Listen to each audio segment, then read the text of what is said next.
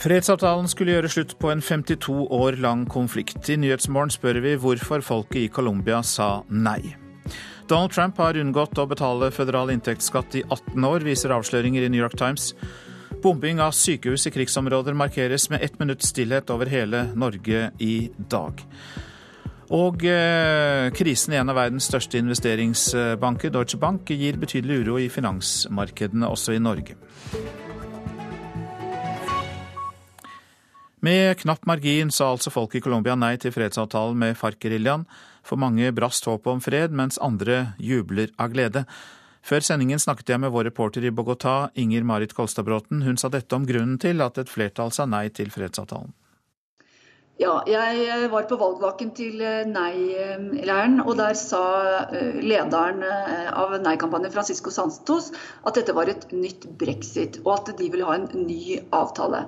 Og Det de fleste har reagert på med den avtalen som var til folkeavstemning, det er at i avtalen så legges det opp til at FARC skal slippe Eh, fengsel, altså straffrihet for en del av eh, de overgrepene som de har begått eh, etter over 50 år med krig. I tillegg så er også veldig mange provosert over at FARC i avtalen er sikret plasser i parlamentet uten å stille til valg, inntil de i 2018 kan stille til valg som eget parti. Hvilke reaksjoner er kommet så langt? Ja, På ja-siden som eh, tapte, så ble jo resultatet av eh, denne folkeavstemninga mottatt med sjokk og tårer. De leda jo klart på meningsmålingene, så det var eh, overraskende for alle at det gikk som det gikk. Og nei-siden de jubla selvfølgelig over resultatet. Det har vært sterke følelser her på begge sider. Saken har splitta det colombianske samfunnet. Eh, og også etter denne folkeavstemninga så er de delt på midten i synet på hvordan krigen skal avsluttes, og hvordan det kan skapes fred eh, i dette landet. Hvor står fredssaken i Colombia nå? Ja, Det er jo det store spørsmålet. For nei-siden er veldig klar på at de også vil ha fred, men de vil ha en annen avtale som ikke gir eh, eh straffefrihet eh, til FARC, bl.a. Eh, fordi mange ser fortsatt på FARC her som terrorister og kriminelle. Hva sier regjeringen at den vil eh, gjøre nå? Eh, president Juan Manuel Santos han holdt en eh, tale i natt, og der sa han at han aksepterer resultatet av eh, folkeavstemninga, og at han vil fortsette å jobbe for fred. Nei-siden krever reforhandling av avtalen, nettopp med tanke på at FARC ikke skal slippe så billig unna som de mener at de gjør i den avtalen som nå har ligget på bordet. Hittil så har presidenten i landet sagt at det er umulig, og at det ikke finnes en plan B. Men nå eh, sier Santos at han skal sende sin eh, sjefsforhandler Eh, på nytt til Cuba, der forhandlingene har foregått, for å snakke med FARC om veien videre. Spørsmålet er bare hva det er mulig å få til, for partene har jo sittet fire år i forhandlinger. Eh, og Santos har tidligere sagt at dette er den beste avtalen de kunne få til. For Spørsmålet er jo selvfølgelig også hva FARC gjør, om de er villige til å gå med på en avtale som vil være dårligere for dem enn den avtalen de har framforhandla, men som altså det colombianske folket har sagt nei til i dag. Om en halvtime skal vi høre hvordan utenriksminister Børge Brende reagerer på at colombianerne sa nei til fredsavtalen. Norge har jo vært tilrettelegger av disse fredsforhandlingene. Presidentkandidat Donald Trump er i hardt vær etter at New York Times i helgen avslørte at et gigantisk underskudd oppført i selvangivelsen i 1995 kan ha gjort det mulig for Trump å unnlate å betale føderal inntektsskatt i 18 år. USA-korrespondent Tove Bjørgaas, eh, Trump har vel ikke gjort noe ulovlig, men hvorfor er disse avsløringene likevel alvorlige for ham? Det er det to eh, grunner til. For det første eh, så er en grunn at han hele valgkampen har snakket om hvor vellykket han har vært som forretningsmann i hele sin karriere. Og i disse skattedokumentene så står det at han tapte svimlende 916 millioner dollar i 1995. Så mye penger at han altså skal ha kunnet skrive av 50 millioner dollar på selvangivelsen hvert år i 18 år fremover. Og Den andre grunnen til at dette er et stort problem for Trump, det er at han i hele valgkampen også har snakket, at altså snakket nedsettende om arbeiderklassevelgere som ikke betaler skatt. Men hvis det altså stemmer at han selv ikke har betalt føderal skatt, så er det selvsagt et problem for ham. Jeg møtte Trump selv etter en første presidentdebatten i, i, forrige uke. Da sa han til oss journalister at han mener det kan være riktig ikke å betale føderal skatt, fordi myndighetene her i USA sløser bort så mye penger. Eh, og da sa han også at han vil offentliggjøre selvangivelsene sine på et tidspunkt. Men så langt så har han jo nektet å offentliggjøre selvangivelser, og det er jo da den første presidentkandidaten på mer enn 40 år som eh, så langt ikke har vært villig til å gjøre det. Så hvordan har New York Times fått tak i disse skatteopplysningene? Det er en pikant historie. Det dukket opp en brun konvolutt i redaksjonen til New York Times eh, som en journalist fikk, og den inneholdt tre sider fra eh, selvangivelsene til Trump i tre ulike delstater, New York, New Jersey og Connecticut, fra 1995. Denne eh, anonyme konvolutten skal altså være sendt fra Trump Tower, altså fra Eh, skyskraperen der Trump har sitt kontor, men avisen sier at de ikke vet hvem som har sendt den. Eh, de har altså en anonym kilde som ikke vet hvem er, men sier at de likevel har, altså, har valgt å offentliggjøre disse opplysningene. Så i vår tid er det fortsatt eh, brune konvolutter med hemmelige opplysninger som kan bli overlevert? Ja. Hvordan svarer Donald Trump og støttespillerne på denne kritikken? Donald Trump var raskt ute og sa at de kommer til å saksøke New York Times etter det de mener er en ulovlig lekkasje. Redaktøren i avisen har allerede sagt at han vet at han risikerer en stor bot, men at han likevel mente dette var så viktig for offentligheten at han ville offentliggjøre det. Eh, I hele går her så var Trumps støttespillere på TV og forsvarte ham.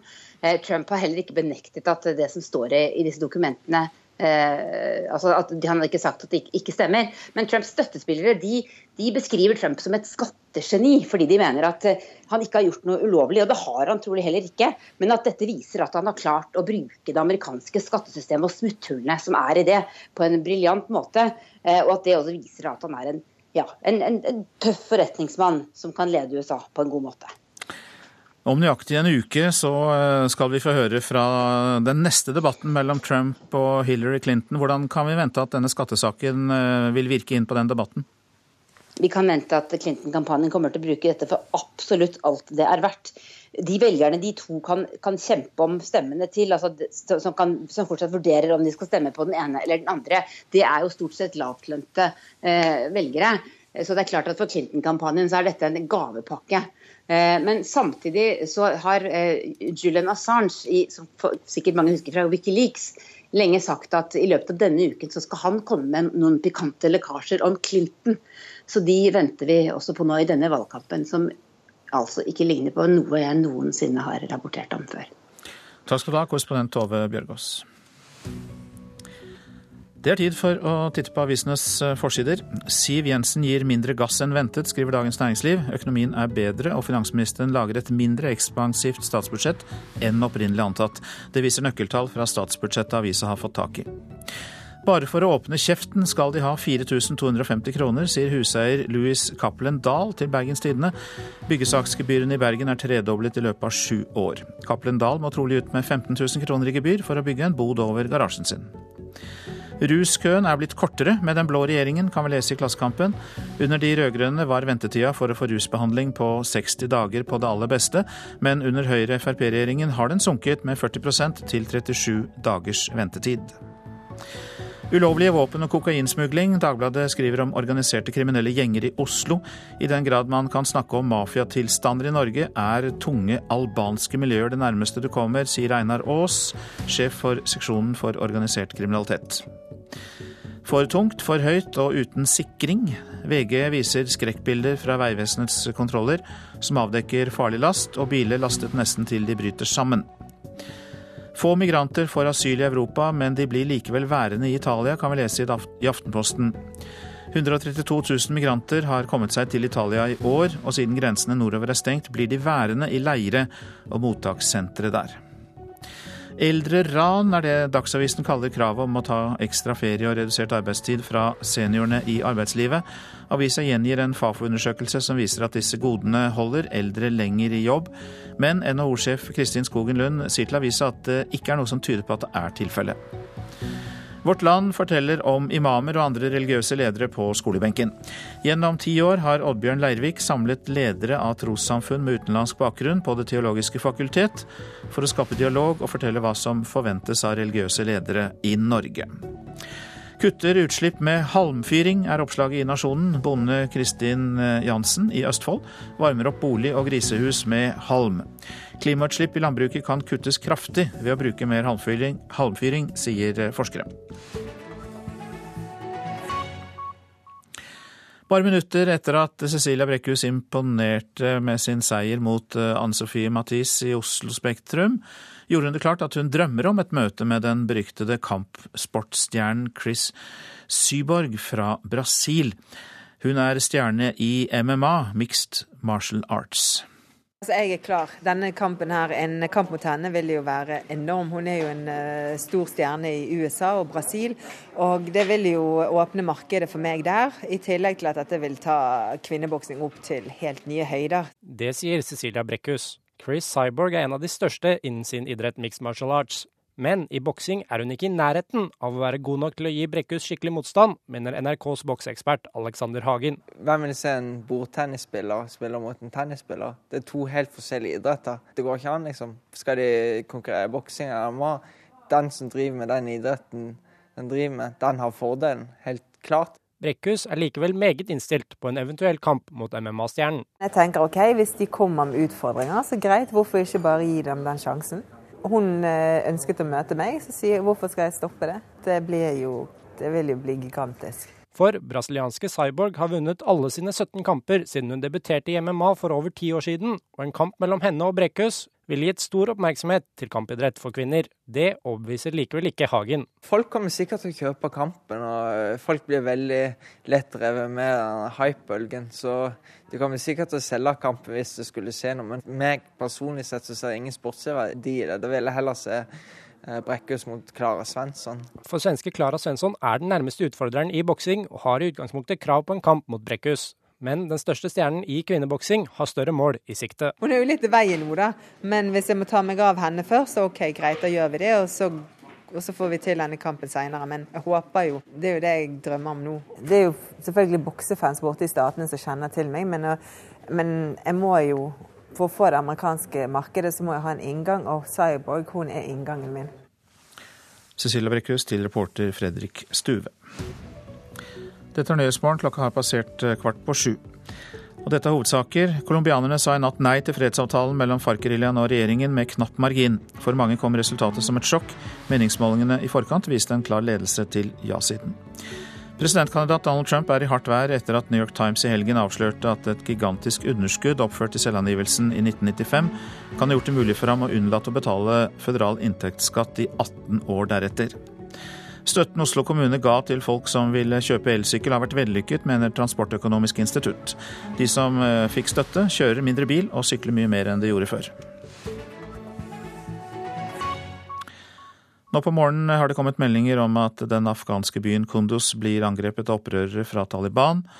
Og det er på dagen ett år siden Leger uten grensers sykehus i byen ble bombet. Og i dag blir det ett minutt stillhet mot bombing av sykehus foran flere sykehus i Norge. Først litt eh, om det som skjedde i oktober i fjor. Angrepet skjedde like etter klokken to i natt mot sykehuset som Leger uten grenser driver i Kondus. Ifølge Leger uten grenser så var det vedværende bombing mot sykehuset. Det ble truffet flere ganger, det ble satt i brann og delvis ødelagt.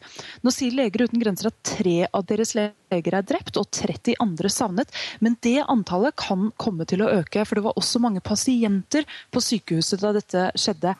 The report determined that U.S. strike upon the MSF Trauma Center in Kunduz City, Afghanistan, was the direct result of human error compounded by systems and procedural failures.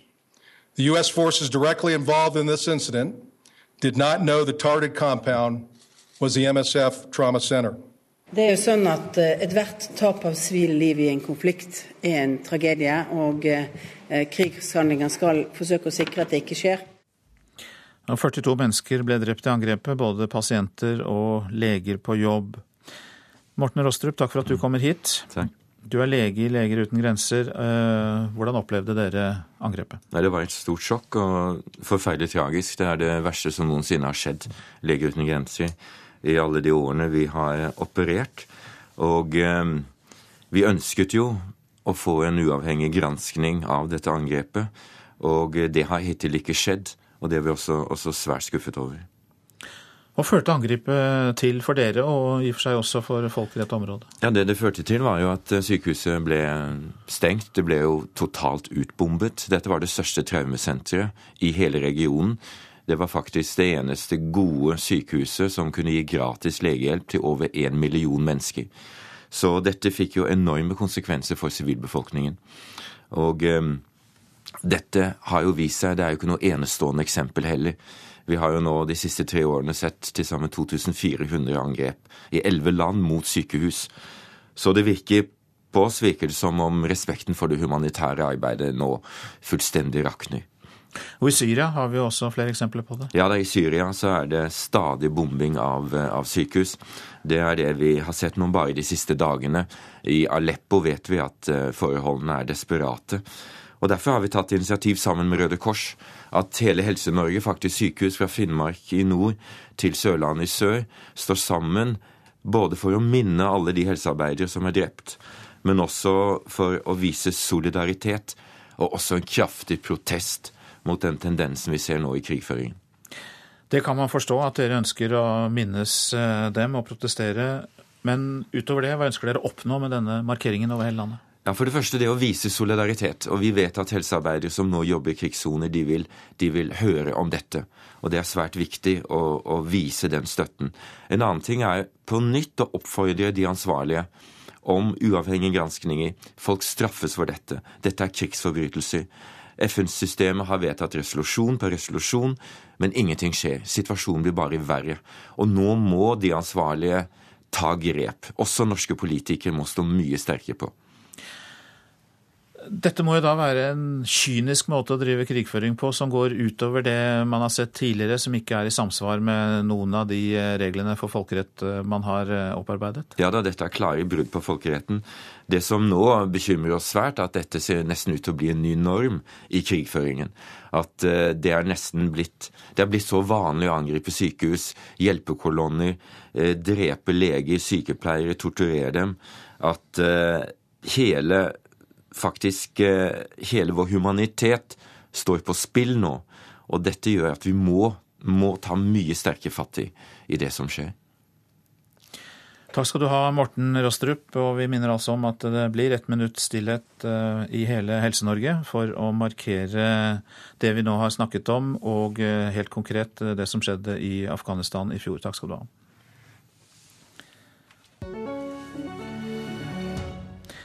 Nå om eh, krisen i en av verdens største investeringsbanker, som gir betydelig uro i finansmarkedene. Norske banker må allerede betale litt mer på innlån som følge av eh, krisen. Tre år før finanskrisen skrev Deutsche Bank at eh, produktene de solgte hadde liten risiko. Nå vil USA ha 14 milliarder dollar i erstatning for denne feilinformeringen, etter deres oppfatning. Og dermed er finansnervene i helspenn over hele verden. Die Deutsche Bank, Deutschlands größtes Bankhaus, steckt in L'action Deutsche Bank inscrit un nouveau. Razzia bei der Deutschen Bank. Skandale, wohin man schaut. Deutsche Bank downplayed how toxic its bonds really were. Den er på alles lepper. Krisen i en av verdens største investeringsbanker. Inntektene, pengebeholdningen og aksjen stuper, mens nye milliardbøter truer. Samtidig har Deutsche Bank tette forbindelser til resten av finansverdenen. En eventuell konkurs vil ventelig gi ringvirkninger i verdensøkonomien vel så tøffe som den kollapsen i Lehman Brothers utløste for åtte år siden. Dette er jo problemer som kan løses. Altså, Deutsche Bank kan jo få mer egenkapital. Noen må ta regninga. Sier Pål Ringholm, kredittanalytiker i Svedbank. Finansuroen har allerede gjort det litt dyrere også for norske banker å låne sine penger. Alle europeiske banker må eh, betale mer for sine lån enn de gjorde før, eh, om bare noen få hundredeler. Sier Jan Andreassen, sjeføkonom i Eika-gruppen. Eh, det man må spørre seg er hvilke europeiske banker som kan bli rammet hardt av problemer i Deutsche Bank. Og Det avhenger av hvem som eier disse papirene. Men det er trolig slik at vi står foran en langvarig periode hvor europeiske banker vil slite med markedets tillit, eh, og mange vil ønske å reise mer egenkapital. Han mener finanstrøbbelet kan vare lenge og bidra til nær evigvarende lave renter. i Europa. Sentralbankenes svar på dette er jo å holde negative renter i mange år fremover. Og i dag er det priset inn i markedet at også i 2021 så vil europeiske renter være negative. Tyske myndigheter har hittil nektet å skyte inn krisekapital i Deutsche. Men blir kredittskvisen enda verre, må Tyskland trå til, tror Ringholm i Svedbank. Deutsche Bank har eksistert siden Bismarck. Deutsche Bank har en størrelse på 16 000 milliarder eh, kroner på sin eh, balanse. Det er til sammenligning over halvparten av eh, tysk BNP, altså tysk verdiskapning. Så Deutschland trenger Deutsche Bank, og Deutsche Bank trenger muligens Deutschland. Og Fredag valgte Nordea å øke sine utlånsrenter til mange norske kunder. Banken viste til at innlånskostnadene har steget i det siste. Reporter Sindre Heierdal. Oljeselskapet DEA Norge skal dele ut flere kontrakter verdt over 5 milliarder kroner på gassfeltet Dvalin i Norskehavet. Det er den største utbyggingsplanen som eh, blir levert i år, og spenningen er stor i et hardt prøvet eh, oljemarked før tildelingen av kontrakter. Sjef for leverandørselskapet IKM, Ståle Kyllingstad, sier at de som ikke vinner kontrakter, må redusere antall ansatte. Kontrakten står her ifølge ryktene i markedet mellom Aker og Aibel.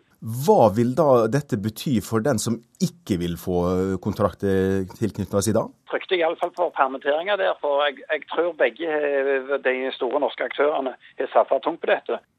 Ståle Kyllingstad i IKM til reporter Gunnar Morsund. Tyrkias kredittverdighet er nedgradert til såkalt søppelstatus av det amerikanske byrået Modis, mens president eh, Recep Tayyip Erdogan mener eh, vurderingen er politisk motivert, rammer krisen den viktige turistnæringen i Tyrkia økonomisk. Vi har mistet 20 millioner turister i år, sier en turoperatør til NRK. For to år siden så var det 38 millioner turister som har vært i Turkiet. I år er det ca. 15 millioner.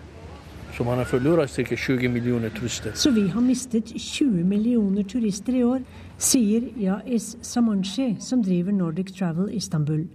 I ti år har han tatt imot skandinaviske turister, men nå er så godt som alle turer avlyst. Økonomisk har det vært fordervende. Det er en katastrofe for økonomien hans, og Samanshi har måttet si opp medarbeideren sin. Kombinasjonen av terrorangrep, turbulente tider og en usikker politisk utvikling i Tyrkia får turister til å velge andre mål. Og nedgangen av russiske turister har vært mest dramatisk. Da Tyrkia skjøt ned et russisk jagerfly i fjor høst, straffet president Putin tyrkerne med å stanse alle pakketurer med russiske badegjester. President Erdogan måtte motvillig be Putin om unnskyldning for at flyet ble skutt ned, i håp om at russerne skal komme tilbake. Men allerede har hundrevis av hotelleiere måttet stenge og selge hotellene sine. Nylig fikk tyrkerne en ny kalddusj. Det amerikanske kredittvurderingsfirmaet Modis nedgraderte Tyrkia til såkalt søppelstatus pga. nedgangen i turismen og en usikker politisk situasjon og utvikling. Dette er et useriøst byrå. Nedgraderingen er politisk motivert, tordnet president Erdogan. Han er også irritert på EU. I 53 år har EU latt Tyrkia vente utenfor døren, sa han i helgen. Om EU tror de kan fortsette å stille krav til Tyrkia, så tar de feil. Spillet er over, ifølge Erdogan.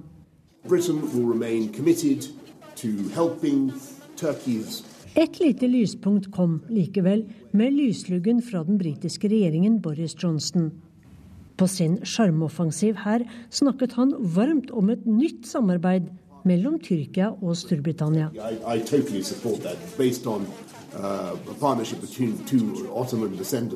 Dette er jeg for, sa Johnson, som viste til sitt osmanske opphav. Brexit-Boris' oldefar Ali Kemal satt i sultanens regjering. Og så skrøt han voldsomt av alt det tyrkerne kunne oppvise av flotte varer for eksport som den meget velfungerende tyrkiske vaskemaskinen han selv eier.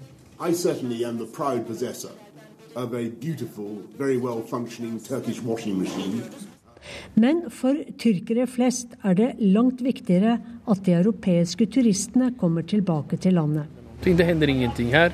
Det er ikke farlig her, lover turoperatør Yais Samanshi. Så det er bare å komme, altså. Og det var Sissel Wold som rapporterte fra Istanbul. Værvarsel nå. Sør-Norge. Et høytrykk over hele landsdelen gir pent vær stort sett overalt. Unntaket er lengst nord i Trøndelag, hvor det kan komme enkelte regnbyger. Det er uttrykt for lokal morgentåke, riktignok eh, mange steder. Så var det Nordland. Skyet og enkelte regnbyger. I eh, Salten snøbyger over ca. 700 meter. Og det blir eh, vest og nordvest stiv kuling på kysten. Lettere skydekke og kan hende pent vær fra ettermiddagen i Nordland. Og vi går til Troms og Finnmark. Det blir eh, regnbyger, snø over ca. 500 meter. Fra ettermiddagen minker vinden, og det blir lettere skydekke i Troms og på Finnmarksvidda. Spitsbergen vest og nordvest oppe i sterk kuling utsatte steder, om kvelden minkende vind. Snøbyger på Spitsbergen, men fra kvelden lange perioder med oppholdsvær. Temperaturer klokka fem. Svalbard lufthavn minus én, Kirkenes fire, Valde seks, Varde seks, Alta fem, Tromsø tre, Bodø fire, Brønnøysund ni, Trondheim to. Molde har vi ikke fått inn, men Bergen-Flesland hadde seks, Stavanger åtte, Kristiansand-Kjevik eh, seks, Gardermoen og Lillehammer én, Røros er nede i minus seks, og Oslo-Blindern hadde pluss seks.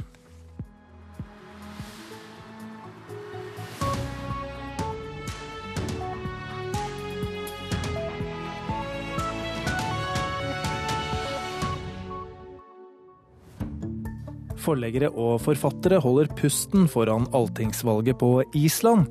Hvordan skal en bokbransje som virkelig sliter, forholde seg til en mulig piratpartiregjering som vil åndsverkloven og opphavsretten til livs? Kulturhuset klokka 13 på P2.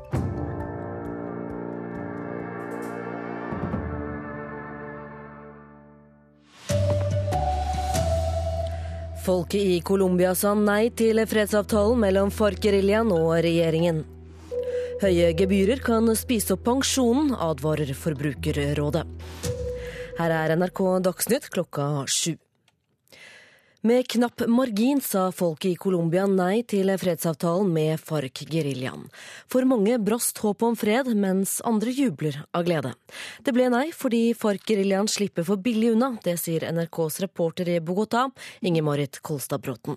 Det de eh, fleste har reagert på med den avtalen som var til folkeavstemning, det er at uh, i avtalen så legges det opp til at uh, FARC skal slippe Eh, fengsel, altså straffrihet for en del av eh, de overgrepene som de har begått eh, etter over 50 år med krig. I tillegg så er også veldig mange provosert over at FARC i avtalen er sikret plasser i parlamentet uten å stille til valg, inntil de i 2018 kan stille til valg som eget parti. Norsk landbruk kan glede seg over en svært rik kornhøst. Felleskjøpet har tatt imot over 505 000 tonn korn, det skriver NTB. Det er omtrent 20% mer korn enn på samme tid i fjor. Tidlig vår og varm høst er blant årsakene til gode avlinger, i tillegg til at eh, treskingen er blitt mer effektiv, ifølge Felleskjøpet. Norge er blant landene som har størst positiv effekt av klimaendringene med lengre vekstsesong, ifølge Senter for klimaforskning. Forbrukerrådet ber Finans Norge vise hva det koster å forvalte pensjon, fordi høye gebyrer kan spise opp pensjonspengene.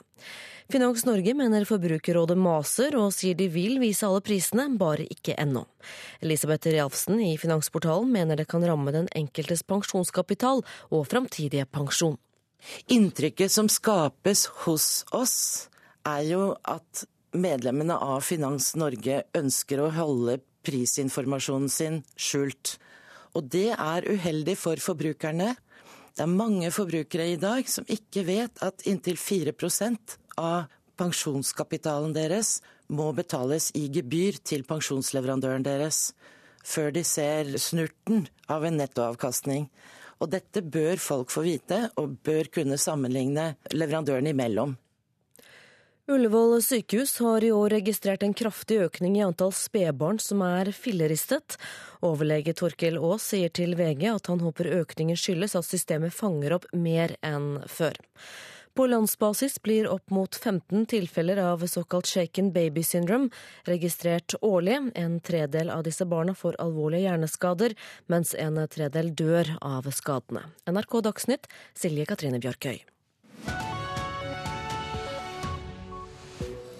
Norge var en tilrettelegger av arbeidet med fredsavtalen for eh, Colombia. Her i Nyhetsmorgen eh, spør vi utenriksminister Børge Brende om hans reaksjon etter at avtalen er nedstemt i en folkeavstemning.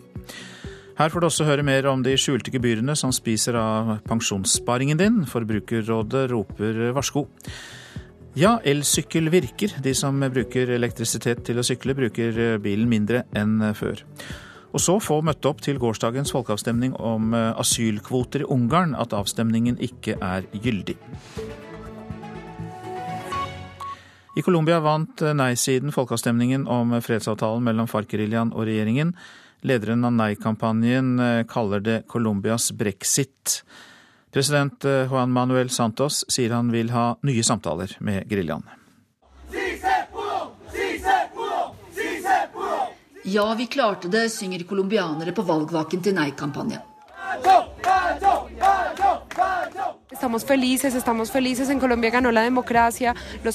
Vi er lykkelige over at vi vant og at demokratiet har seiret, og at vi ikke skal bli styrt av FARC-geriljaen, sier Tatiana Guerrero jublende. Hun er imot fredsavtalen som åpner for at FARC-medlemmer slipper fengselsstraff for en rekke forbrytelser hvis de tilstår. De fleste i nei-leiren ser på FARC som terrorister og kriminelle, og mener at de slipper for lett unna i avtalen, som altså flertallet av colombianerne nå har sagt nei til. Dette er brexit 2, sier lederen av nei-kampanjen, Francisco Santos, med henvisning til at nesten alle meningsmålinger viste et klart ja-flertall. Han sier at folkeavstemninga er en seier for demokratiet i Colombia. Jeg er så trist, sier Bibiana Vello, som vi møter utenfor valgvaken til ja-siden. Der ble resultatet av folkeavstemningen møtt med sjokk og tårer. Nei-generalen sier at de vil ha en reforhandling av avtalen med FARC. Det har både FARC og regjeringa avvist som en mulighet. Men nå sier presidenten at han aksepterer resultatet av folkeavstemninga og at han allerede i morgen tidlig på nytt sender sin sjefsforhandler til Cuba, der forhandlingene har foregått for å snakke med FARC-geriljaen på nytt. Både FARC og regjeringa i Colombia sier at våpenhvilen skal fortsette. Sa NRKs reporter i Colombia, Inger Marit Kolstadbråten. God morgen, utenriksminister Børge Brende. God morgen. Norge hadde jo en sentral rolle som tilrettelegger for fredssamtalene gjennom fire år. Hva er din reaksjon nå? Det er ikke noe tvil om at uh, vi er svært skuffa. 52 år med væpna konflikt uh, i Colombia skulle se sin slutt. Uh, bortimot 300 000 er drept i den konflikten. Og 5-6 millioner er interne fordrevne flyktninger i Colombia. At et lite flertall, knappest mulig, sa nei, må selvsagt tas til etterretning. Og så må vi bygge på dette videre nå i de nærmeste dagene og se om det finnes løsninger for å redde freden i Colombia. Er den avtalen som ble forhandlet gjennom fire år, verdiløs? Avtalen som er på nesten 300 sider og gjennomgår veldig mange av de vanskelige temaene, alt fra situasjonen for fattige bønder til overgangsjustis, eh, til spørsmål om eh, narkotikaproduksjon må være basisen eh, for videre samtaler. Jeg har i natt eh, vært i kontakt med eh, Colombias utenriksminister. Og hun har bedt om at også det norske teamet blir nå med til Havanna senere i dag, hvor man forsøker å sette seg ned sammen med FARC-geriljaen og se om det finnes muligheter. Men det som eh, er eh, positivt, er jo at også ekspresident Uribe, som har leda nei-sida, sier at han er for fred og vil ikke legge alt til sides. Og spørsmålet er hva kan man få til fremover? Eh, med basis i dette, som også nei-sida nå kan akseptere i Colombia. Vi hørte noe om det i innslaget fra de som var på nei-siden, men eh, hva tror du manglet da i avtalen som førte til at det ble flertall mot? Forklaringa ligger i at det er et veldig polarisert eh.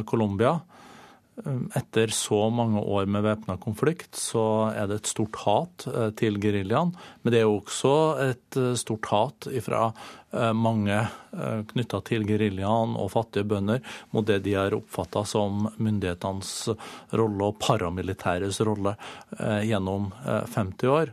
Og det å sy sammen dette til en avtale som innebærer våpenhvile, og å få FARC med i en politisk prosess, er nok noe som et flertall da i eh, Colombia eh, mente eh, at ikke var riktig. Men vi må huske på at valgdeltakelsen var lav, litt over 30 prosent, og det var et veldig knapt flertall, 50,04 som sa 50,4 som sa nei. Men uansett så ville dette om det hadde vært et knapt ja-flertall, så ville det òg vært et eh, veldig spinkelt grunnlag å gå videre eh, på. slik at nå må man eh, se på andre løsninger fremover. Norge, tar dere utfordringen dere fikk i natt om å dra tilbake til Cuba og fortsette? Det er klart at vi stiller opp. Det er så mye som står på spill. Dette er den lengstvarende væpna konflikten i hele Latin-Amerika. Jeg håper inderlig at våpenhvilen vil holde, og at eh, nei-sida også nå vil delta i en dialog om hvordan kan man bygge videre på denne um, avtalen. Um, og Eh, ikke gå tilbake i en situasjon hvor flere blir drept, flere blir kidnappa, og hvor flere blir internt fordrevne. Men det blir krevende. For vil eh, FARC-geriljaen akseptere at de ikke skal være en del av den politiske prosessen? Vil en gerilja eh, melde seg selv for fengsling når de mener at det også er representanter fra de væpna eh, styrkene som bør eh, i fengsel? Det er jo derfor man har fått til løsninger knytta til overgangsjustis. Så dette blir blir veldig vanskelig, og jeg må si at eh, jeg er skuffa. Det er ikke noe tvil om. Takk skal du ha, utenriksminister eh, Børge Brende.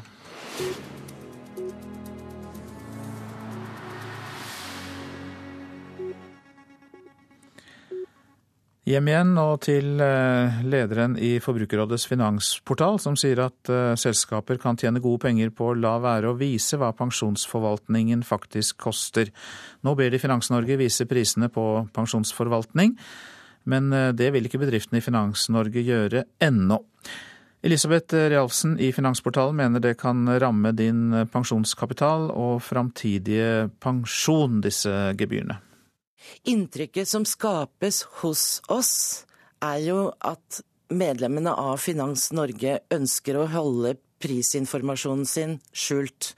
Og det er uheldig for forbrukerne.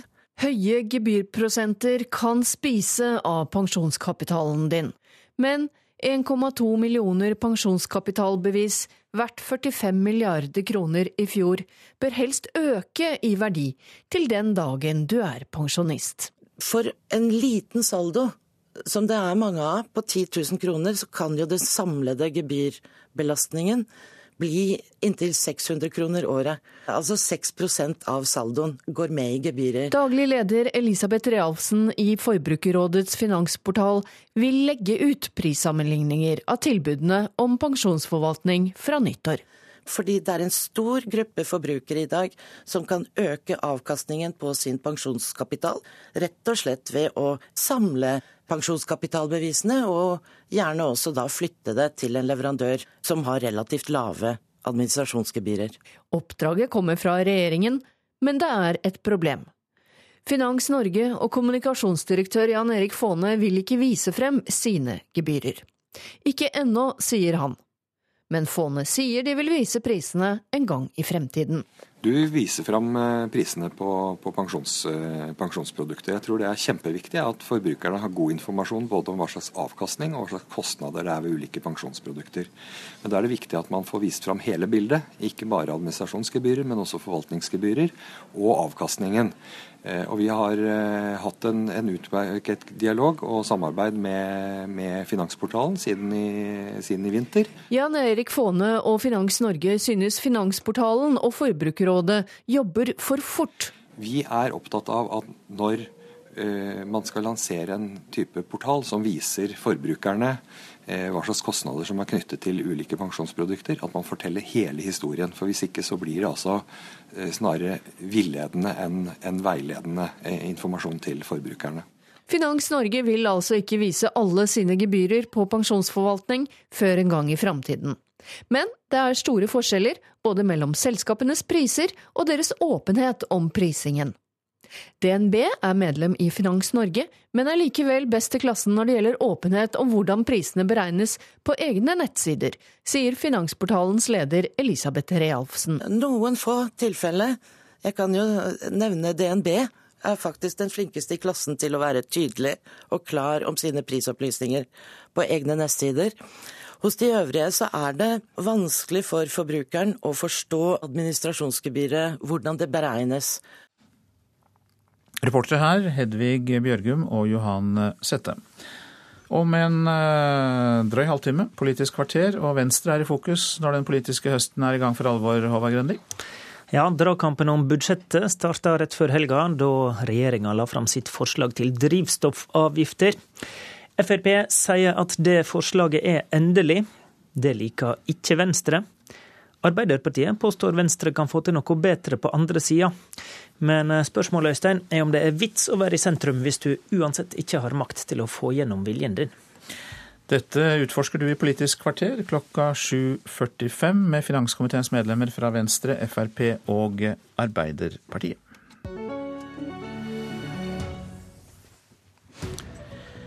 Ja, du hører på Nyhetsmorgen. Klokka den nærmer seg kvart over sju. Dette er hovedsaker. Utenriksminister Børge Brende sa her i Nyhetsmorgen nettopp at Norge vil fortsette arbeidet med å få til en fredsavtale for Colombia igjen. Der sa nemlig folket nei til avtalen mellom FARC-geriljaen og regjeringen med knapp margin, og det var en avtale Norge var tilrettelegger av. Lederen av Forbrukerrådets finansportal sier selskapene kan tjene gode penger på å la være å vise hva pensjonsforvaltningen faktisk koster, og nå ber altså, som vi hørte, finans, de ber altså Finans-Norge vise prisene. Krisen i en av verdens største investeringsbanker gir betydelig uro i finansmarkedene. Det er Deutsche Bank. Også norske banker må allerede betale litt mer på sine innlån som følge av krisen i den tyske banken.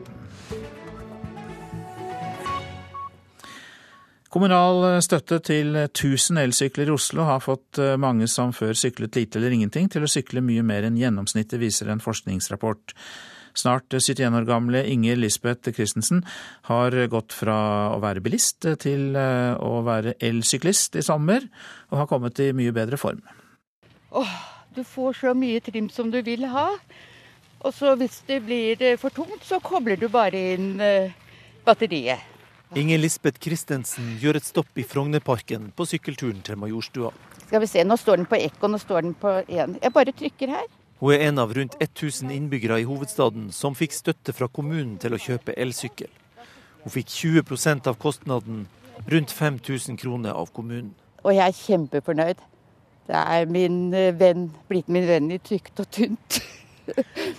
Hadde ikke du kunnet kjøpt elsykkel uten å fått støtte fra kommunen? Jo, jeg hadde nok gjort det, men kanskje jeg hadde kjøpt en rimeligere og ikke så bra uh, sykkel. Og så spørs det hvor lang tid det hadde tatt før jeg hadde kjøpt den, ikke sant. I fjor sykla hun én tur med den vanlige sykkelen. Ellers brukte hun bilen omtrent hver dag. Nå bruker hun nesten bare elsykkelen, så her om dagen måtte hun kjøre seg en tur bare for å lade batteriet på bilen. Og hun har begynt å trene. Så jeg har kommet i gang med treningen nå pga. sykkelen. Fordi det er enkelt å komme, komme seg fram. Så trimmer jeg. Elsyklistene sykler oftere og lengre enn gjennomsnittssyklistene. Det gjelder enda mer for de som fikk støtte fra kommunen, sier forsker Aslak Fyri ved Transportøkonomisk institutt. Dette er jo en gruppe som i utgangspunktet sykler ganske lite. De sykler mindre enn gjennomsnittet, faktisk. Og de sykler jo nå langt over gjennomsnittet. De nye elsyklistene er sjeldnere å finne på buss, bane eller i bilen. Det er jo bilandelen som går ned mest, og erstattes med sykkelreiser. Byråd for miljø og samferdsel i Oslo, Lan Marie Noen Berg fra Miljøpartiet De Grønne, er fornøyd. Ja, vi vil videreføre ordningen, men vi vil målrette den enda mer mot de som eh, ellers ville brukt bil. og Derfor vil vi komme tilbake igjen til innretningen i løpet av høsten. Den snart 71 år gamle elsyklisten sier at hun har oppdaga byen sin på nytt. Og du kan si at eh, Barn de utvider aksjonsradiusen sin når de blir eldre. Men eldre de kan utvide aksjonsradiusen sin når de får elsykkel. Det sa Inger Lisbeth Christensen til vår reporter Kjartan Røslett. Og så i Stavanger, i studio der, Stian Ellingsen Lobben, god morgen. God morgen. Du er lege og sykkelentusiast. Og eh, det er jo bra for miljøet dette her, at man bruker elsykkel istedenfor bil. Men eh, helseeffekt, eh, er det også det? Ja, nå hørte vi jo innslaget her, Aslak Fyris, som sier at, at elsykkelen stjeler litt fra, fra bilbruken. Og det er jo ganske opplagt at hvis du går fra å sitte i bilen til å reise med elsykkel, så, så er det bra for helsa. Du har også vært med på å måle dette i et prosjekt i Stavanger, og hva fant dere ut? Det, både det vi har gjort og det andre har gjort, tyder jo eh, på det sunn fornuft tilsier, at, eh, at, eh, de som er stillesittende i utgangspunktet og, og, først og fremst bruker bil som transportmiddel og ikke trener noe særlig, de, de har store positive effekter av, av å komme i gang med litt aktivitet. Men når det fram til dem? Det høres jo sånn ut, da. Det, det er jo ikke det vi eh, har sett på her, men, men det som eh, har skjedd i Oslo med disse som, som, har fått støtte og fått en elsykkel, som i utgangspunktet har brukt sykkel veldig lite, har jo i hvert fall tatt den i bruk, og det er jo et godt tegn. Har du en mening om dette med støtte også? Det var litt omstridt da det kom? Jeg tenker at det er jo eh, først og fremst et politisk eh, spørsmål, men eh, sånn som jeg ser det, så er det jo, er det jo en god idé. Det er jo Fysisk inaktivitet er jo blant de aller viktigste årsakene til tidlig og si, unødvendig død i Norge i dag. Det dør en nordmann i timen med fysisk inaktivitet som årsak. og Da virker det jo lurt å, å stimulere til at flere kommer seg i aktivitet.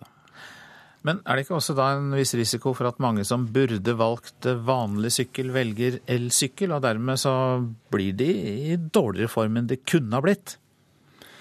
Ja, jeg, jeg, tror ikke det er noe stor, eh, stort praktisk problem. Det er jo såpass uh, få uh, som bruker vanlig sykkel til transport i Norge, særlig om vinteren. Det, er, det er jo, eksisterer jo nesten ikke.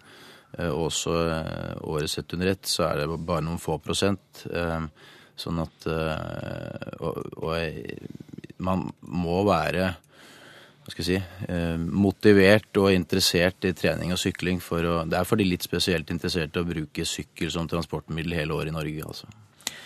Så med litt hjelp fra elektrisk strøm, så er det flere som kommer seg ut? Det er jeg ganske sikker på. Stian Ellingsen Labben, hjertelig takk skal du ha. Du er eh, både lege og sykkelentusiast.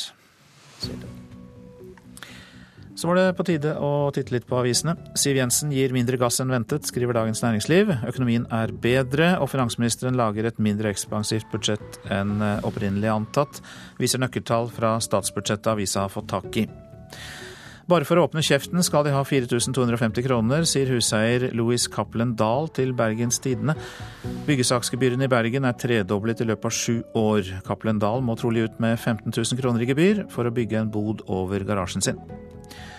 Ruskøen er blitt kortere med den blå regjeringen, kan vi lese i Klassekampen. Under de rød-grønne var ventetida for å få rusbehandling på 60 dager på det aller beste, men under Høyre-Frp-regjeringen har den sunket med 40% til 37 dagers ventetid. Ulovlige våpen og kokainsmugling. Dagbladet skriver om organiserte kriminelle gjenger i Oslo. I den grad man kan snakke om mafiatilstander i Norge, er tunge albanske miljøer det nærmeste du kommer, sier Einar Aas, sjef for seksjonen for organisert kriminalitet.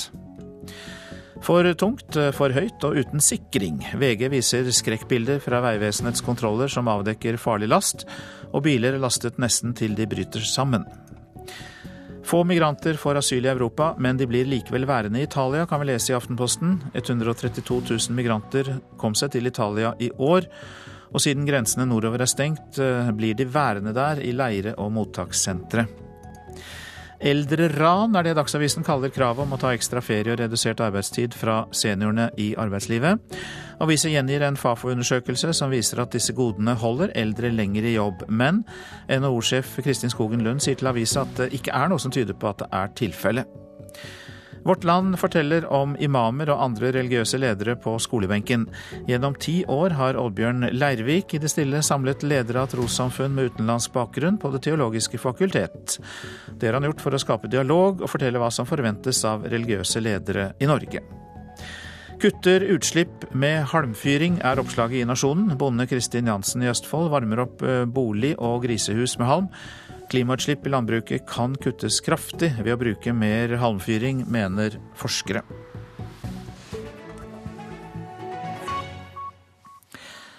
Det var så få som møtte opp til gårsdagens folkeavstemning mot asylkvoter i Ungarn at avstemningen ikke kan kjennes gyldig. Av dem som stemte, sa 98,3% nei til EUs flyktningkvoter. Men til tross for at avstemningen er ugyldig, feiret den ungarske regjeringen med fyrverkeri i Budapest i går kveld, og statsminister Viktor Orban kalte det hele for en overveldende seier.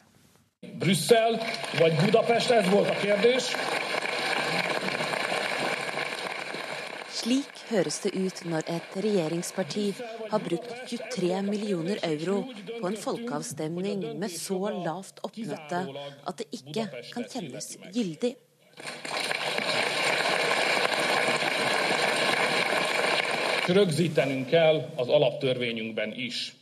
Dagens avstemning gir regjeringen et våpen til å forsvare Ungarns interesser og kjempe mot EUs asylkvoter. Vi ungarere har i dag bestemt hvem vi vil leve sammen med. Og hvem bør bestemme det? Er det Brussel eller er det Budapest? Før han selv svarte Budapest. Det er bare ett ord han ikke vil ta i sin munn ugyldig. A kérdés egyszerű. Megteheti-e Brüsszel? Megteheti-e az európai államok demokratikus közössége? Avstemningen måtte nemlig ha minst 50% gyldige stemmer for å bli godkjent. Men det var kun litt over 39% av stemmene som ble kjent gyldige.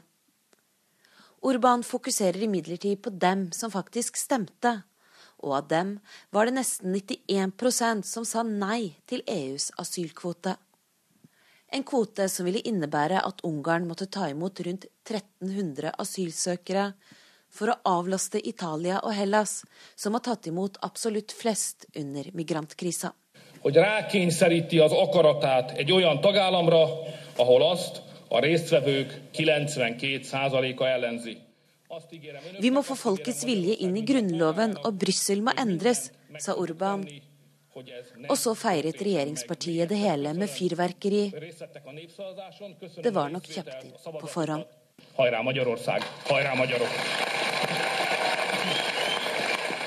Guri Nordstrøm, Budapest. Og Tyskland planlegger å tvinge migranter som kom inn i EU via Hellas, tilbake dit. Tysklands innenriksminister sier til den greske avisen Katimerini at gjeninnføringen av Dublin-konvensjonen blir tatt opp på et EU-møte med kolleger i løpet av måneden. Samtidig ber han grekerne utvise flere og sende migranter tilbake til Tyrkia. Barnepsykiater og Utlendingsdirektoratet er uenige om hvordan de skal finne alderen på unge asylsøkere. Imran ved Spydeberg statlige mottak i Østfold mener han er 17 år, men UDI sier han er 18. Han har fått avslag på asylsøknaden, og nå frykter barnepsykiateren for eh, livet hans. Imran fra Afghanistan spiller fotball ute på plenen, hvor tåka ligger tett rundt Spydeberg statlige mottak. En hverdag i stor kontrast til uroen i hjemlandet. Huset til familien ble angrepet av Taliban. Han ble torturert. Faren og søsknene ble drept, og mora og broren vet han ikke hvor er, forteller han. Hvis de sender meg tilbake, vil jeg ikke leve lenger, sier han. Han ønsker jo bare å få seg et godt liv i Norge, jobbe på Kiwi spille fotball. Og nå er det sånn at Han har vurdert å være 18 år, han mister retten til skolegang, han har fått avslag på asylsøknaden sin. Det sier barnepsykiater ved Sykehuset Østfold, Henriette Sandven. Hun mener Imran reiser spørsmålet om hva alder er. Kanskje er han 18 år, men mentalt og følelsesmessig er han langt yngre. Den psykososiale vurderinga må inn i den aldersvurderinga som gjøres. Eh, sånn som Imran, han er en traumatisert gutt, og vi vet, eh, vi som jobber i barnepsykiatrien vet at eh, traumer påvirker hjernens fungering og utvikling. Imran er del av statistikken for enslige mindreårige asylsøkere. Hittil i år har det kommet 241 personer som oppga at de var under 18 år da de søkte om å få beskyttelse her i Norge. Utlendingsdirektoratet, som har ansvar for behandling av asylsøknader, vil ikke stille til intervju, men svarer i en e-post. I dag finnes ingen medisinsk metode for aldersfastsettelse som gir helt sikre svar. De medisinske aldersundersøkelsene er et viktig hjelpemiddel for å kunne gjøre en helhetsvurdering av søkernes mest sannsynlige alder, sier områdeleder i UDI, Skei Mogenstad.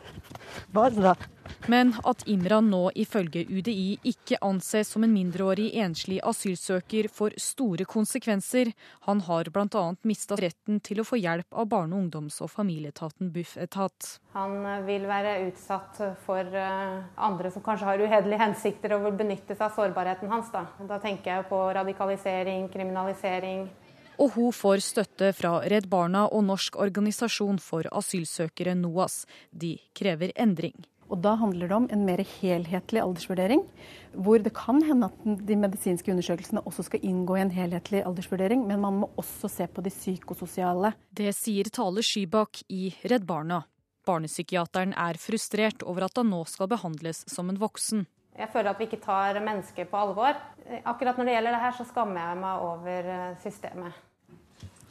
Reporter var Liv Rønnaug Lilleåsen. Du lytter til Nyhetsmorgen. Produsent eh, i dag Ulf Tannes Fjell. Her i studio Øystein eh, Heggen. Drivstoffavgiften er tema for debatten i Politisk kvarter mellom Frp, Arbeiderpartiet og Venstre.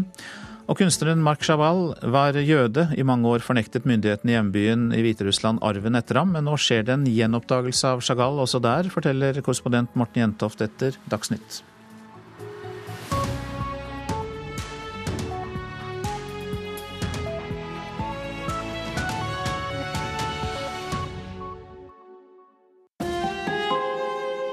Hør ekko.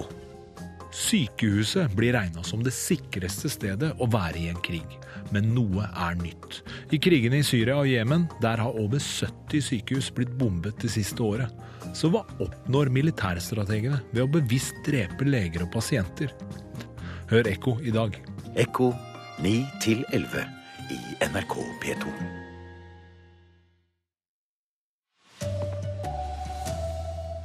Et eh, knapt flertall stemte nei til fredsavtalen mellom FARC-geriljaen og regjeringen i Colombia.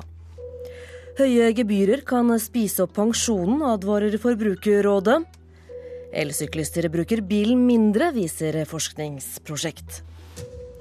Her er NRK Dagsnytt klokka 7.30. I Colombia vant nei-siden folkeavstemningen om fredsavtalen mellom FARC-geriljaen og regjeringen. President Juan Manuel Santos sier han vil ha nye samtaler med geriljaen. Ja, vi klarte det, synger colombianere på valgvaken til nei-kampanjen.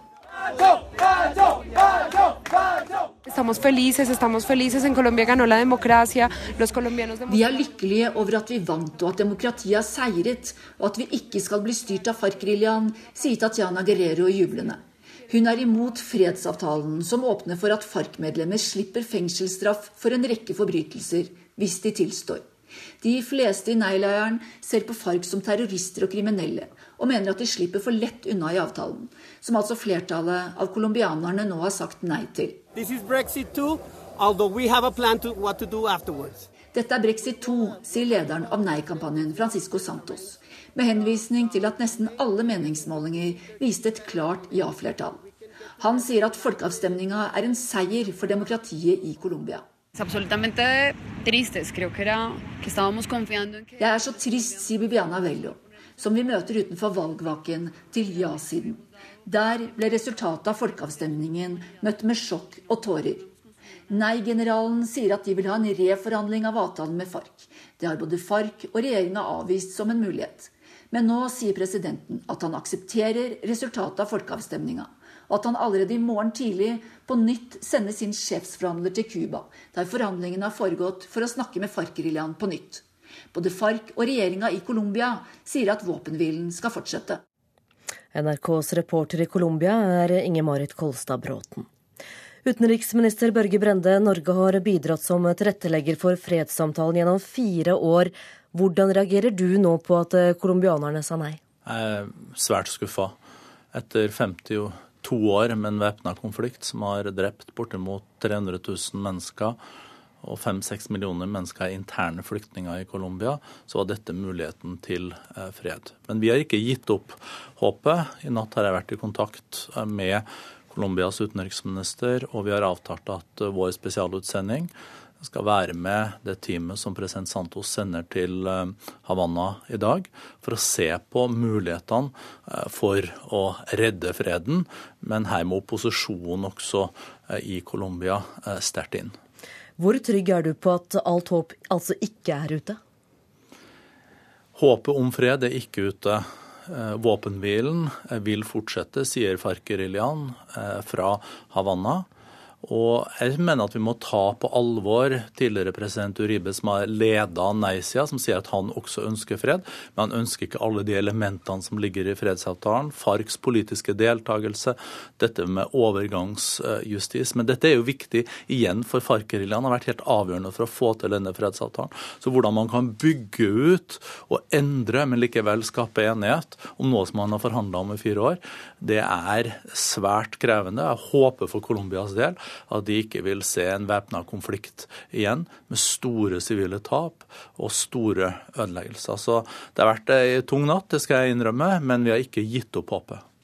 Takk skal du ha, utenriksminister Børge Brende. Høye gebyrer kan spise opp pensjonen, og nå ber Forbrukerrådet Finans Norge om å vise hva pensjonsforvaltningen koster.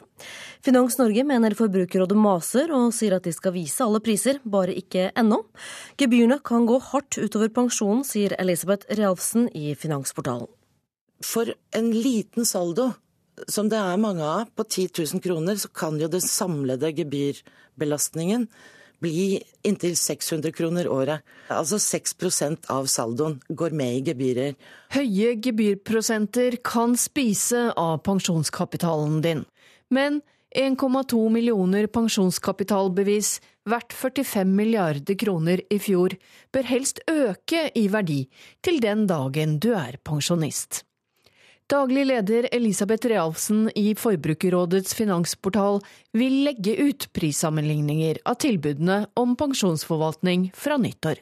Fordi det er en stor gruppe forbrukere i dag som kan øke avkastningen på sin pensjonskapital, rett og slett ved å samle pensjonskapitalbevisene, og gjerne også da flytte det til en leverandør som har relativt lave administrasjonsgebyrer. Oppdraget kommer fra regjeringen.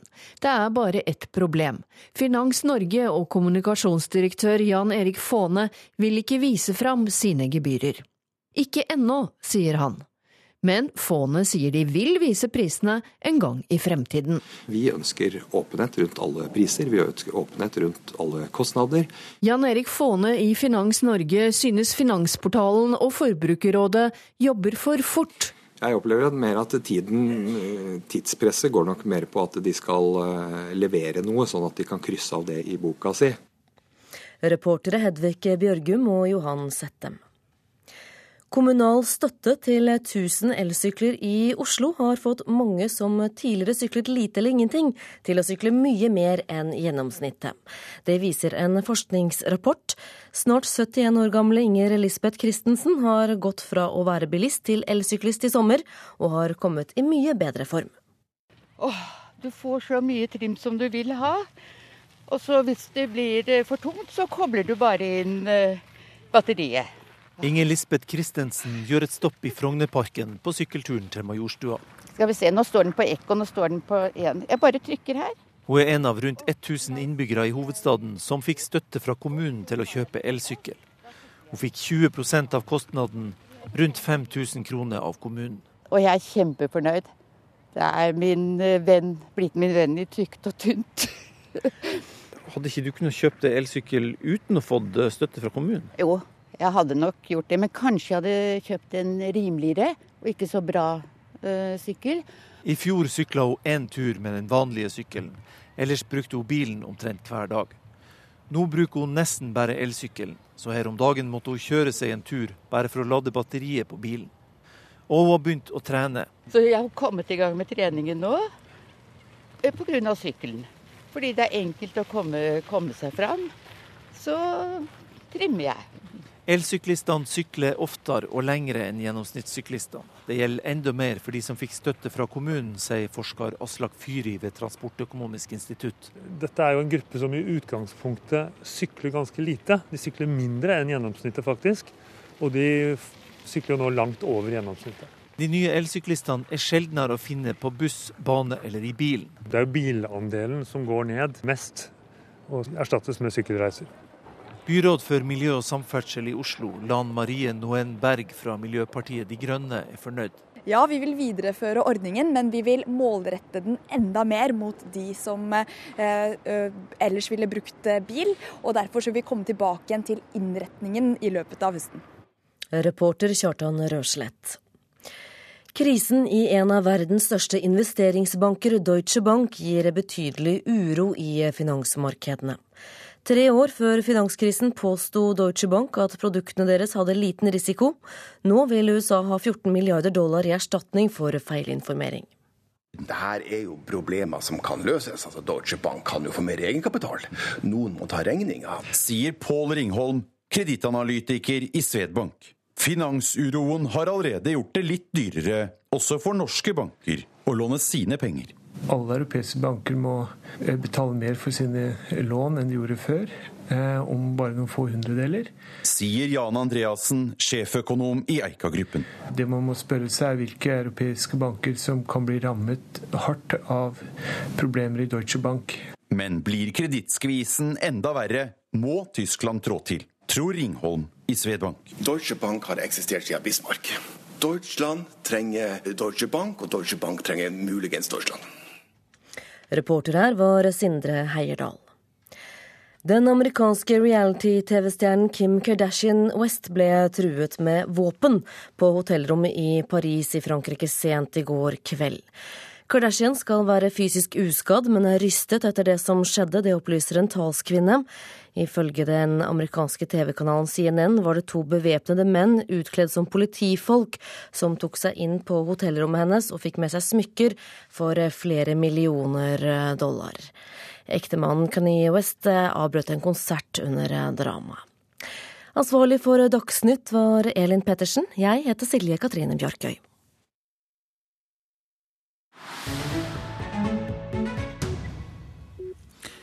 I Nyhetsmorgen om jødisk historie i Hviterussland, for den har vært eh, fornektet eh, lenge, men er framme i lyset igjen eh, da Shimon Peres døde. Det var nemlig hans fødested.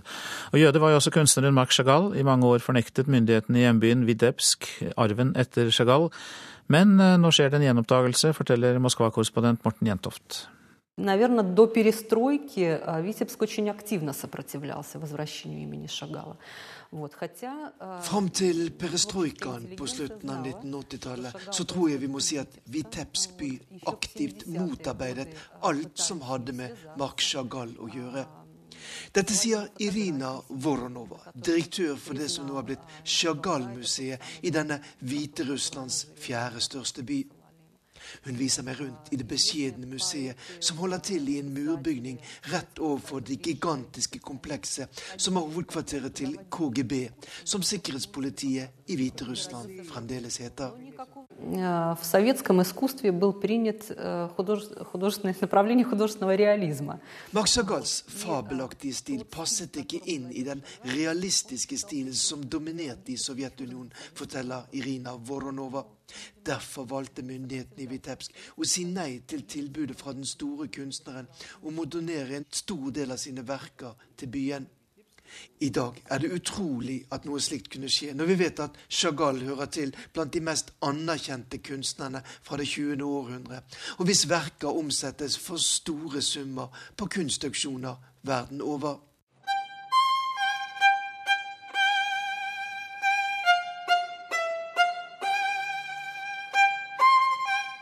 Max Chagall var altså født i Vitebsk i det daværende Russland i 1887. I en jødisk familie der han var det eldste av ni barn. Oppveksten i det den gang multikulturelle Vitebsk med sine ortodokse kirker og synagoger inspirerte han livet ut, bl.a. til maleriet med 'Spillemann på taket', som seinere igjen ble til en av verdens mest kjente musikaler.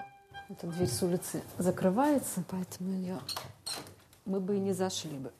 Irina Voronova tar oss med inn i Marc Chagalls barndomshjem, som nå er restaurert og utgjør den andre delen av Chagall-museet i Vitebsk. Her drev hans mor en liten butikk, mens faren jobbet for en lokal fiskehandler. До войны, потом, естественно, еврейское население в городе было 30 synagog og молитвенных домов. Rundt århundreskiftet da Marc Chagall vokste opp, var det rundt 30 synagoger eller jødiske bønnerom her i Vitebsk, sier Arkadi Schulman.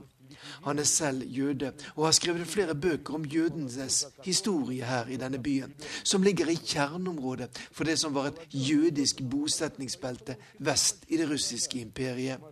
Historikeren Akadi Shulman mener at mellom 14 000 og 20 000 jøder i Vitebsk ble drept i løpet av noen måneder høsten 1941. Blant dem som ble drept, var også en stor del av Chagall-familien, som bodde i en by 40 km sørøst for Vitebsk.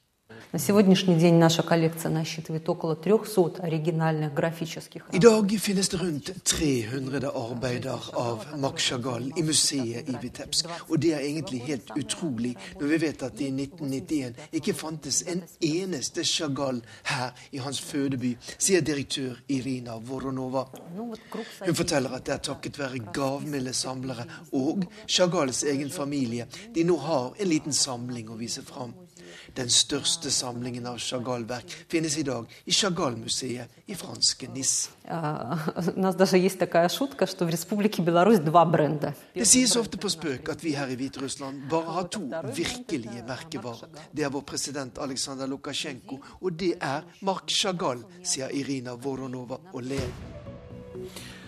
Nyhetsmorgen har disse overskriftene. Utenriksminister Børge Brende sier Norge vil fortsette arbeidet med å få til en ny fredsavtale for Colombia. I går sa folket nei til fredsavtalen mellom FARC-geriljaen og regjeringen i en folkeavstemning. Forbrukerrådet hevder finansbedriftene tjener på å skjule gebyrer på pensjonssparing. Nå krever Forbrukerrådet at finansnæringen forteller hva pensjonsforvaltningen faktisk koster. Støtten Oslo kommune ga til folk som ville kjøpe elsykkel har vært vellykket, mener Transportøkonomisk institutt. De som fikk støtte, kjører mindre bil og sykler mye mer enn de gjorde før. Programleder for Politisk kvarter er Håvard Grønli.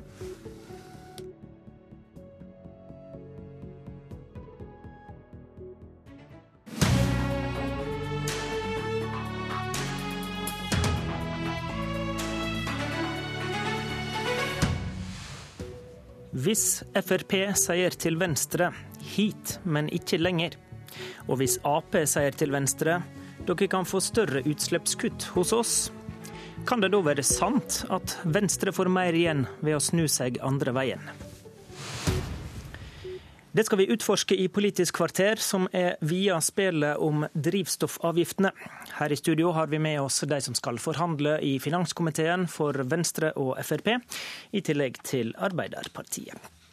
For fredag fikk vi altså en flik av statsbudsjettet, da statsminister Erna Solberg og finansminister Siv Jensen holdt pressekonferanse og la fram drivstoffavgiftsopplegget. 15 øre avgiftsøkning per liter bensin og 35 øre for diesel. Det var så langt regjeringa var villig til å gå, sa statsministeren. Hans Andreas Limi, du er finanspolitisk talsperson for Frp. Når du eh, senere i høst setter deg i forhandlingsrommet, er premisset ditt da at det er uaktuelt å øke drivstoffavgiftene med mer enn dette som statsministeren gjorde greie for? Ja, det vil være mitt mandat inn i de forhandlingene. Eh, så tydelig er signalene fra regjeringen. Eh, og så tydelig er også stemningen i Fremskrittspartiet. Eh, det er viktig å huske på at i utgangspunktet så ønsker ikke Fremskrittspartiet å øke drivstoffavgiftene. Og nettopp derfor så er det så viktig at vi nå har fått en god totalitet i det regjeringen har foreslått, ved at det ligger netto lettelse for bilistene i den pakken som ble presentert sist fredag. Eh, så dette er altså ikke et forhandlingsutspill, det er et forslag fra regjeringen. Eh, et forsøk på å ivareta interessene til alle de fire partiene som skal samarbeide om å få statsbudsjettet gjennom i Stortinget. Og hva er det da som er urørlig? Gjelder det hele denne pakka som du peker på nå, som ble lagt fram på fredag, altså inkludert endringer på årsavgift til bompenger pendlerfradrag som gir positive økonomiske bidrag til norske bilister, eller gjelder det kun eh, avgiftene som er urørlige? Ja, disse, disse, elementene henger jo sammen. Det som er viktig for oss, det er at det er en netto lettelse for bilistene. Eh, og så er Det klart at eh, det er vel vanskelig å se for seg en situasjon hvor andre partier enn Fremskrittspartiet ønsker å gå lenger i å redusere eh, avgiftene på, på bilistene. og Derfor så er det denne pakken som som da eh, ligger til grunn. Og så kommer resten av statsbudsjettet nå på torsdag. Og det er helt sikkert mye der som vi kan forhandle om eh, når vi møtes rundt forhandlingsbordet senere i høst. Ok, Men hele, hele pakken er urørlig, det er det, det, du sier nå? Det er en pakke som skal ivareta interessene til de fire partiene på en best mulig måte. Og sånn sett så bør den eh, loses igjennom i Stortinget slik den er foreslått. Bør eller må? Ja, den, den må igjennom slik den er foreslått fra regjeringen. Det er de tydelige signalene som er gitt fra statsminister og finansminister ved presentasjonen av pakken. Nå lytter Terje Breivik, nestleder i Venstre, nøye, så jeg. God morgen. God morgen. Da har vi gjort greie for Limis mandat. Hva er ditt mandat? Nei, Mitt mandat er jo at Venstre skal bidra til at dette blir et budsjett som, som fører til klimareduksjon altså klimagassutslippsreduksjon. Jeg er ikke i tvil om at de fleste er sammen med Venstre i at det er, det er avgjørende og viktig å løse klimakrisa. Det fortjener ikke minst uh, ungene våre, barnebarna våre, at de får samme eh, fridom til å nyte og nytte naturen som vi har glede av. Og næringslivet vårt er helt avhengig av at vi, vi, politikere legger til rette for grønne heimemarkeder, så de kan teste ut ny teknologi for å øke konkurransekraften der ute. Ok, Du peker på utslippsreduksjonen, du peker ikke på avgiftene som sådan. Betyr det at du kan gå med på avgiftene, da? Altså i Avgiftsøkning er jo ikke et mål i seg selv, men det er ikke tvil om at et av de tyngste politiske verktøyene vi har, er jo å bruke skatter og avgifter aktivt for å oppnå det vi, det vi vil. Og da er Det jo det er to ting som er viktig i et grønt skatteskifte. Det er å sette ned, altså gjøre det billigere, enklere for folk flest å ta klimavennlige valg i hverdagen.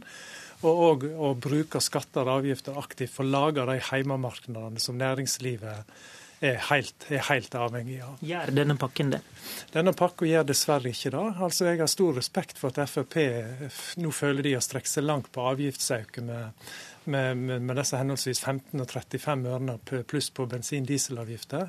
Men det er klart når de bruker merinntektene, og nesten dobbelt så mye, til da å gjøre lettelser i andre avgifter, ikke minst bompenger og, og sånt, for de samme fossile bilene, så er jo ikke dette et grønt skatteskifte. Fordi og, og da du, vil det føre til mer ja, altså, utslipp? Altså, sannsynligheten er jo like stor for at dette er, fører til utslippsauke. Og sånn sett eh, har jo han De sier jo det skal gi 200 000 tonn mindre ja, sånn, eh, CO2-utslipp eh, årlig. Ja, sånn som jeg tolker og leser det, så, så gjelder jo da primært avgiftsauken. Og det er jo ingen som har Du kan like gjerne si sannsynligvis så ender du like gjerne opp med en avgiftsauke, for du, det er ingen som har egentlig har tallet på hva det fører til når du stimulerer i andre enden for de samme, samme fossile bilene. Okay, og, og Limi, Limi, og regjeringen er iallfall ikke i nærheten av det som, som de sjøl var med på å vedta i fjor, nemlig et grønt skatteskifte som skal føre til betydelige reduksjoner i innenlandsutslipp. Det, det er ikke dette i nærheten av. Det står jo det i denne avtalen at det skal gi betydelige endringer i klimautslippene. Eh, gjør dette det? Ja, så er det jo øh, viktig da også å ta med at det står ikke noe om drivstoffavgiften i den avtalen. Eh, og det er mange elementer som inngår i det grønne skiftet. Eh, så Derfor så er det viktig nå også eh, kanskje avvente litt. Budsjettet kommer på torsdag. Eh, men, men, men, men, hvis dere ikke skal hente utslippskutta på drivstoffavgiftene, hvor henter dere betydelige utslippskutt da? Vi har eh, gjennomført eh, endringer i eh, engangsavgiften, redusert bilavgiftene mm, gjennom disse årene vi har sittet i regjering. Og det har faktisk resultert i at vi nå har fått ned utslippene. Vi setter rekord i salg av lavutslippsbiler i Norge. Og det er en helt annen utvikling enn vi så under den forrige regjering, som prioriterte da dieselbilene. Så det er gjort veldig mange grep som over tid vil bidra til at vi får ned utslippene fra transportsektoren. Okay. Og der har Fremskrittspartiet og Venstre vært helt enige om de fornuftige grepene som er gjennomført. På det da. Tror du det er mulig å finne utslippskutt på andre områder enn de eh, drivstoffavgiftene vi har snakka om til nå? Ja, det klart det er mulig å finne utslippskutt på andre områder. og Som Limi sier nå, Som gir betydelige endringer, som du sjøl peker på? Det er jo der, litt av der eh, skoen trykker. da. Det er klart Skal du få full effekt ut av det det Venstre i sammen med regjeringspartiene satte i gang i fjor. Altså lettelser i, i nybilprisen på, på, og på lavutslippsbiler, ladbare hybrider, distriktene sin elbil så er du, også, er du, helt avhengig av at du må fortsette den utviklingen. Skal du finansiere det, er du avhengig av inntekter. Med vi er alle samlet i prinsippet om at forurensning skal, skal, koste. Og det Er klart, er det litt, litt, dyrere å bruke bensin- eller dieselmotoren i en ladbar hybrid, så har du òg et helt annet incitament til faktisk å bruke elmotoren i, i en ladbar hybrid. Bare for å sette det i perspektiv. Så jeg har lyst til å minne folk om altså, hva er det vi snakker om nå i, i avgifter. Hva er det regjeringen har foreslått? 0,15 øre. Altså For en gjennomsnittsbilist, litt avhengig av forbruket på bilen, så dreier det seg om en plass mellom 100 og 130 kroner i året. Et minimum av planlegging. Sant? Senest i år så var jeg tilfeldigvis på rulleski oppover Groruddalen. Da lå pumpeprisen på diesel på, på 950-960 på samtlige bensinstasjoner. Altså et minimum av planlegging. Du trenger, du trenger iallfall ikke å fylle på rulleski, Det kan vi være enige om. Nei, men sant, Med minimum av planlegging så tjener du inn igjen de 0,15 ørene på én eller to tankinger. Så det, dette er jo med respekt å melde eh, småtteri.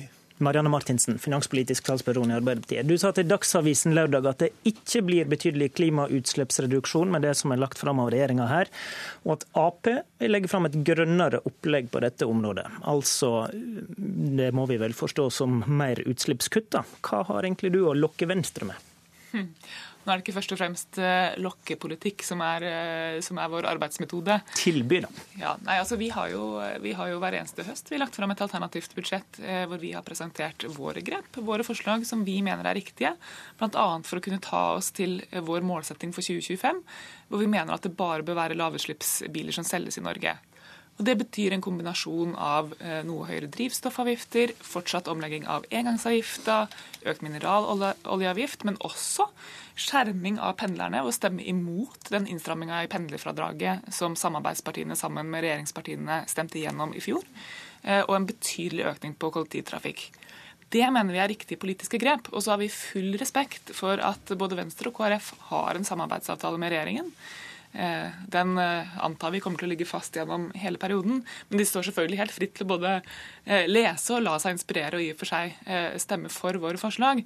Det som samtalen så langt har avslørt, er jo at det er helt uklart hva slags klimaeffekt den pakka som regjeringa la fram på fredag, egentlig har. Mm. Den har blitt lagt fram eh, som en separat del, helt avsondra fra resten av budsjettet, og uten eh, dokumenter, uten at vi får se alle detaljene i det. Så det er jo men, ganske uryddig. Men det du avslørte nå, var vel at i den lista di så hørte jeg ikke noen om drivstoffavgiftene. Vil dere øke de da? Mer enn Frp? Jeg sa, jeg sa, noe, ja, da, noe høyere drivstoffavgifter. Noe høyere, ja. ja altså det er for tidlig å si noen ting om detaljene i vårt vårt, eh, i vårt alternative opplegg i høst. Det skal vi ha en eh, prosess på, selvfølgelig. Dere har Men, jo ikke økt dem mer enn det Frp gjør nå. Altså, i, I, vårt, eh, I vårt alternative reviderte budsjett nå i våres så la vi opp til en økning på 50 øre på dieselavgiften. Og ikke på bensin? Ikke på bensin. Og Det mener vi var et fornuftig opplegg, bl.a. for å ta inn noe av den avgiftsdifferansen mellom, eh, mellom diesel og bensin. Vil dere overby regjeringa på dette området, da? Nei, Vi driver ikke med overbudspolitikk. Vi fremmer de politiske forslagene som vi mener er fornuftige. Eh, og På transportsektoren så er det en kombinasjon av eh, å tilby folk alternativer. Altså at man enten kan i større grad ta i bruk kollektivtrafikk. Det er først og fremst relevant for de store byene. Eh, og vi gjør avgiftsgrep for å få flere null- og, og lavutslippsutbiler ut på veiene. Okay, Der starta vi jo allerede i regjering ikke sant? Vi... og fikk ned, eh, fikk ned, utslippene fra nybilsalget i Norge med 30% gjennom de grepene vi gjorde. Da skal vi høre med Breivik. da. Er det opplegget som Martinsen skisserer, kan det være interessant for deg å altså, Tror du det kan gi bedre effekt på klimautslippene enn det du får til med regjeringen? Det er veldig bra hvis Arbeiderpartiet nå eh, setter handling bak ordene. Altså Til nå så har de jo supergode på dobbeltkommunikasjon. og Så sier, de rette tingene for å bli oppfattet som et klimaparti, men det har ikke vært samsvar mellom ord og handling. Eh, til dømes på det som hun nå sier. Sant? I deres alternative budsjett for 2016 så var det en minimal økning i dieselavgift. Jeg husker ikke, men jeg tror det var 0,25 øre litt for mineraloljeavgift. That's it. Og det var kjemisk fritt for skatte grønne skatte- og avgiftslettelser i andre enden, som er minst like viktig. Altså gjøre det enkelt, mer attraktivt, billigere å ta klimavennlige valg i hverdagen. Og så jo, sliter jo selvsagt Arbeiderpartiet med med, med, det som de ikke gjorde når de var i regjering og hadde, hadde makt, var det dominerende regjeringspartiene, hvor de faktisk hadde et negativt grønt skatteskifte med å t.d. å gjeninnføre veibruksavgift, altså avgift på biodiesel, biodrivstoff som nå er fjerna, som, som venstre regjeringspartiene har fjerna, mm. og som virkelig, virkelig et alternativt og som er et distriktspolitisk tiltak, som gir en marknad for norske skogeiere og norske bønder. Martinsen. Men som jeg refererte til her, så starta vi en vesentlig omlegging av engangsavgiften. Og det var et av de viktigste avgiftspolitiske grepene som er gjort på miljøsida noen gang. Eh, fordi det faktisk har ført til at vi har fått ned utslippene kraftig fra nye biler som selges i Norge. Og det er jo det som kommer til å gi klimaeffekt over tid, kombinert med at vi bygger ut kollektivtrafikk eh, i, eh, i storbyene. Og så må jeg jo si da at, at når Breivik her prøver seg på at vårt klimaregnskap var negativt, så er det altså Frp han nå skal forhandle med, som kommer til å ende opp med å trumfe gjennom et forslag som innebærer netto avgiftslettelser for bilistene. Og klimaeffekten av det kommer neppe til å bli noen ting som Venstre i hvert fall kan applaudere. Breivik, SVs Lysbakken sa fredag at nå må Venstre og KrF ta konsekvensene og felle regjeringa, for vi står klare til å samarbeide med dem om tidenes miljøbudsjett. Hva sier du til den ideen? da? Nei, Det er jo et svært populistisk utsagn. Altså, min jobb og Venstre sin jobb er å bruke den forhandlingsmakten vi har til å ende opp med et statsbudsjett som, som, fører til det som jeg tror de fleste samdommer er helt avgjørende. Altså et budsjett som bidrar til at vi løser klimakrisen som vi sa innledningsvis, det er ikke minst viktig for, for de som kommer etter oss, men det er jo òg helt avgjørende for norsk næringsliv, norsk industri, som for lengst er i gang med å tilpasse seg markeder der ute som, som har grønne verdier som tunge drivere. Så det er jo, det er jo, det er jo min ambisjon. og du, All erfaring tilsier at det meste er mulig i forhandlinger, og å få til noe på dette området. Lime til slutt, hvordan ser du på forhandlingene nå? Det blir helt sikkert en spennende høst. Eh, vi har klart å finne løsninger tidligere, og det kanskje det viktigste som vi har fått til på bilsiden, er endringen i engangsavgiften, som har gjort det mulig for folk å kjøpe nye, miljøvennlige og sikrere biler. Eh, og det bidrar til en raskere fornyelse av bilparken, og det har faktisk eh, ført til at vi har redusert utslippene betydelig, og det er bra for miljøet, også i de store byene. Takk til alle tre. I dag åpner det 161. storting. Kongen kommer til Stortinget og leser regjeringa sin trontale. Det er den dagen da ingenting er overlatt til tilfeldighetene. Du følger den høytidelige seremonien på NRK1 eller nrk.no fra klokka 13. I studio her, Håvard Grønli.